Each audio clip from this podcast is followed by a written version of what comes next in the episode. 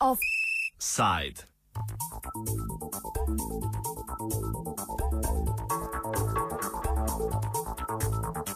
ساق الخري إلى من جرى وخ الخري إلى من ترى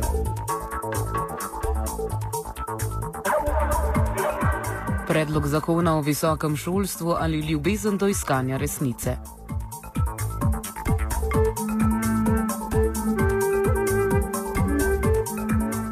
Ministrstvo za izobraževanje, znanost in šport je danes na spletni strani objavilo predlog zakona o visokem šolstvu.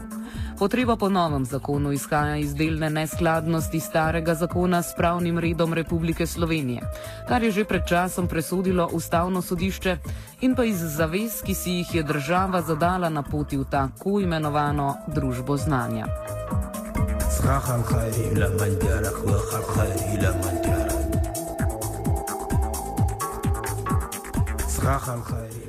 Predlog zakona po navedbah predlagatelja uvaja večjo institucionalno avtonomijo, skrajšuje veljavnost akreditacije z 7 na 5 let, spreminja pogoje za ustanavljanje novih univerz, fakultet in visokošolskih zavodov ter ureja drugačno sestavo pritožbene komisije pri Nacionalni agenciji za kakovost v visokem šolstvu.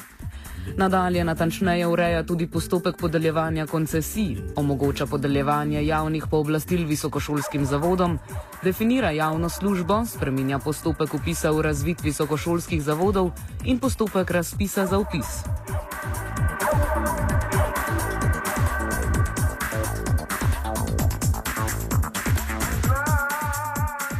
Zakon spreminja tudi oblike študija in da nimo ob rednem brezplačnem študiju uvaja še delni študij.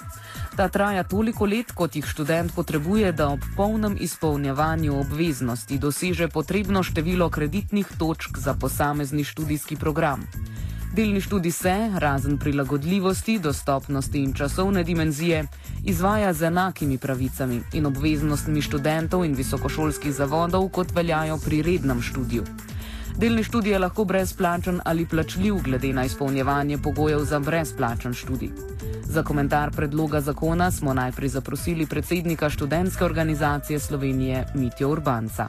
Študentska organizacija Slovenije je sodelovala v delovnih skupinah, na katerih se je pripravljal oziroma usklajeval uh, predlog zakona o visokem šolstvu. Um, delovne skupine so bile sestavljene strani vseh deležnikov, um, ki so pač pomembni v visokošolskem prostoru. Um, šolst je načeloma zadovoljen s predlogom oziroma podpiramo smer, v katero predlog gre. Seveda so še pa določene stvari, na katere bomo tudi upozorili in poskušali spremeniti tekom javne razprave in potem državno-zborske procedure, predvsem na smeri zaščite pravic študentov, a, zagotavljanja kakovostnega študija in pa seveda preprečevanje kakršne koli implementacije šolnin v slovenski visoko- visokošolski prostor. Zdaj javna razprava poteka 30 dni. Mm, Zaenkrat bomo pripravili komentarje na, na predlog oziroma tudi predloge sprememb s komentarji. Potem pa, ko bo predlog šel v državno-zborsko državno proceduro, pa bi oziroma bomo pozvali um, odločevalce, da tudi skličejo javno predstavitev mnen, ker bo imel vsak študent in tudi ostali deležniki v visokošolskem prostoru možnost predstaviti svoje stališče glede predloga um, zakona o visokem šolstvu, ker dejansko zakon ureja neko zelo pomembno um, temo v Sloveniji, predvsem z vidika, ko gledamo, da je znanje ena izmed bolj smiselnih investicij tudi v času krize.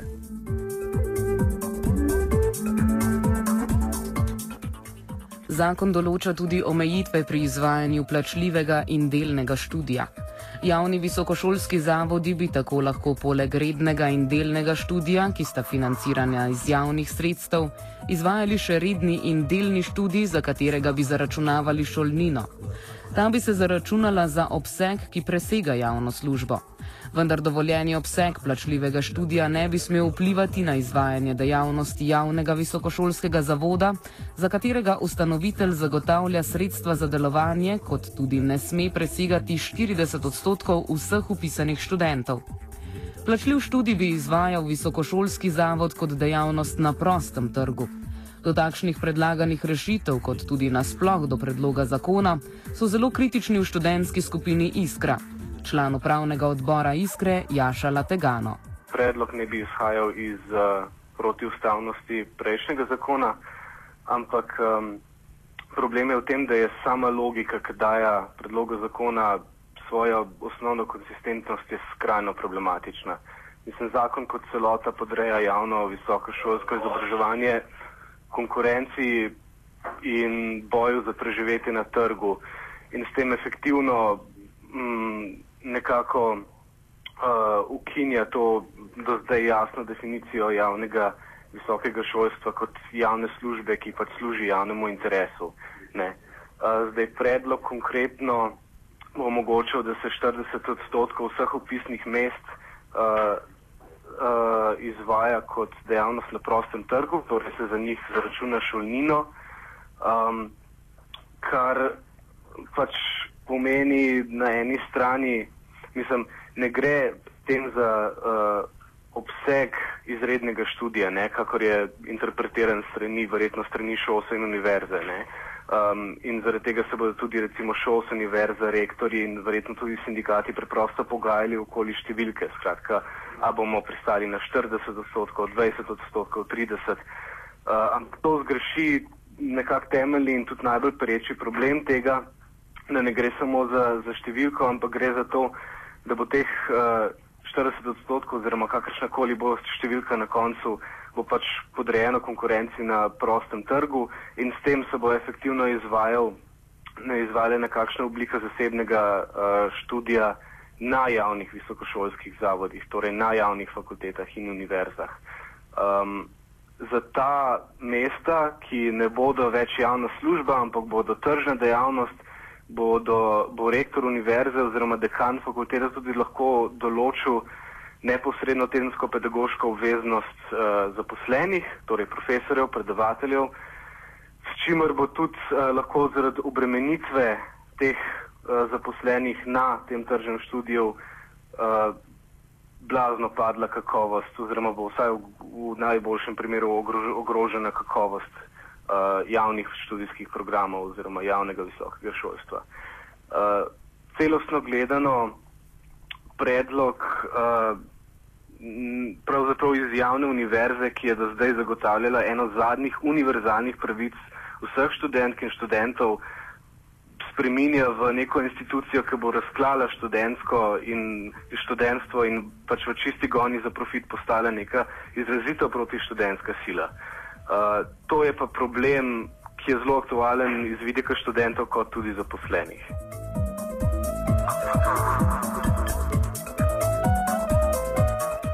V delovni skupini, ki je pripravljala spremembe zakona, je sodeloval tudi Alen Brkič, sicer član odbora za visoko šolstvo pri Šosu.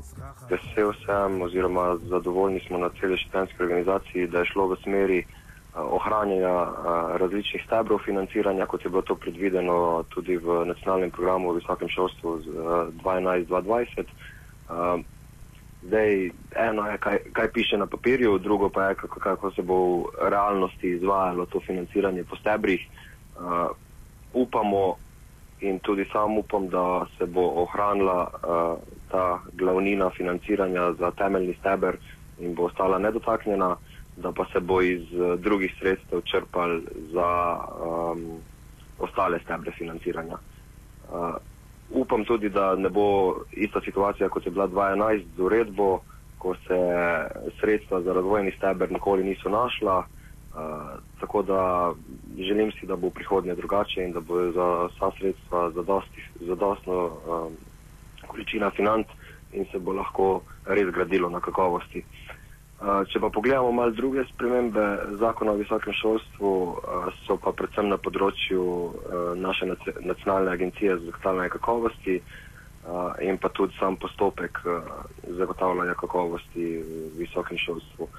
Spreminja se recimo postopek akreditacij visokošolskih zavodov, zdaj v preteklosti smo imeli oziroma trenutno še imamo um, programske akreditacije, torej za vsak študijski program, ki se uh, na novo ustanavlja ali pa se uh, je pretekla doba sedmih let, se mora pre, pregledati sam študijski program uh, njegovo izvajanje, kakovost in se potem na podlagi tega tudi odloči, ali se mu podeli zavodu še, še ena sedemletna akreditacija za, za ta študijski program. Zdaj se, se, zdaj se to spreminja, oziroma se je predlagano je in sicer, da bo uh, institucionalna akreditacija, kar pomeni, da se ne bo več pregledovalo študijske programe, ampak se bo pregledalo samo celoten zavod in se bo znotraj recimo univerze v Mariboru ali pa univerze v Ljubljani se bo pogledalo par določenih članic in pa par njihovih študijskih programov in se bo na podlagi tega potem odločilo, če bo akreditacija podeljena ali ne. Zdaj na študentski organizaciji Slovenije smo, smo sicer se uh, skeptični do teh, uh, do teh sprememb, ker se nam zdi, da mogoče naše univerze še niso uh, zrele za to, da si bodo lahko uh, same podeljevale akreditacije za študijske programe znotraj svojih senatov. Uh, in želeli smo si tudi, da, da bi ta sprememba prišla šele z letom uh, 2015-2016, oziroma takrat, ko bi bile uh, podaljšane akreditacije čisto vsem študijskim programom, kar se je v preteklosti že začelo, ampak zdaj se bo pač očitno, ukolikor bo zakon sprejet, seveda uh, se bo uh, za nekatere, ki bi naj bili pregledani v prihodnosti, se to vse ne bo zgodilo. Kar se tiče področja študentov, bi mogoče omenil še spremembe glede zaporednega opisa. Tudi tu smo zagovarjali, da se ohrani zaporedni opis za vse študente, torej študij diplomantov. Uh, ampak uh, smo z ministrstvom prišli do nekega skupnega uh, mnenja, da mogoče v trenutnih časih uh, to celo preveliko breme za, uh, za državo, da financira uh, dvakrat isto stopnjo uh, izobrazbe. Uh, veseli nas, da, da se ohranja usporedni študij brezplačno za uh, tiste najboljše študente in pa tudi, da se ohranjajo pravice, jih, za katere smo se borili že v preteklosti. Torej, ohranja se uh, nominalno število let plus eno leto, ki ga lahko študenti koristijo za absolventa, ponavljanje ali pa prepis.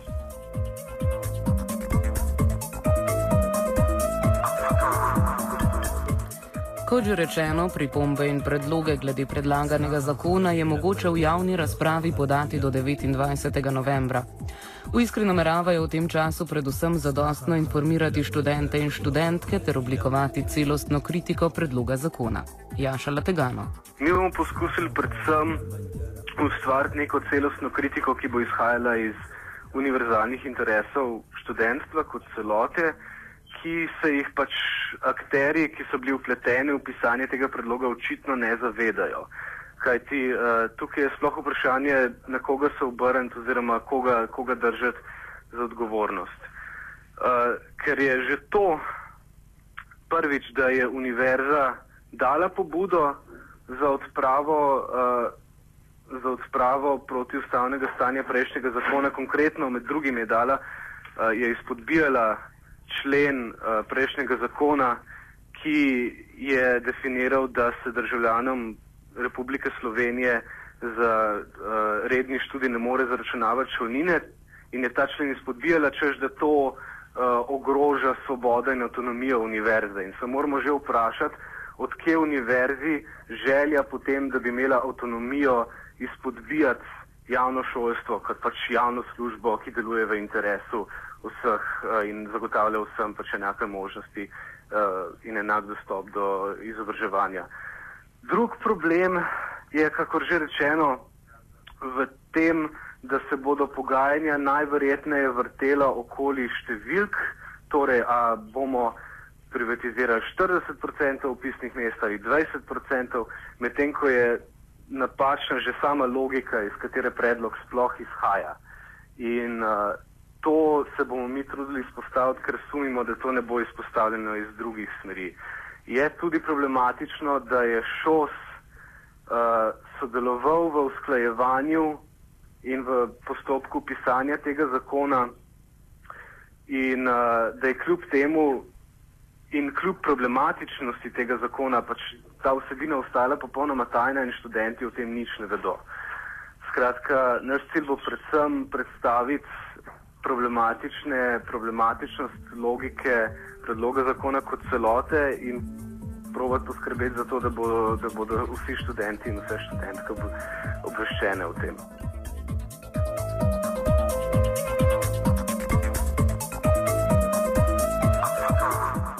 O predlogu zakona bomo seveda v prihodnje na radiju študent še veliko govorili. Na ministrstvu danes še niso uspeli najti osebe, ki nam bi natančneje pojasnila in utemeljila vsebino predloga. Pozornost javnosti si predlog zasluži recimo tudi zaradi naslednjih vrstic, ki jih vsebuje. Zakon ureja tako imenovana odcepljena spin-off podjetja, ki jih lahko ustanavljajo tudi univerze in seveda družbe kot del običajno novega programa, izločijo iz obstoječe družbe kot novo podjetje. Taka odcepljena podjetja imajo večjo možnost preživetja in hitrejšega razvoja, saj ne začnejo kot popolnoma nova podjetja, tako imenovani start-upi. Po drugi strani pri ustanavljanju odcepljenih podjetij sodelujejo tudi raziskovalne institucije, kot so raziskovalni instituti in univerze. Odcepljena podjetja, pri ustanavljanju katerih sodelujejo univerze, se imenujejo tudi univerzitetna odcepljena podjetja. In pa, ljubezen do iskanja resnice se obnuji preživetja le stežko uresničuje.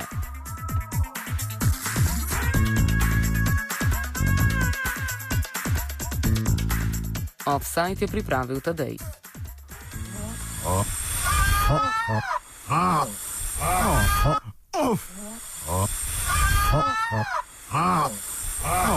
Offside.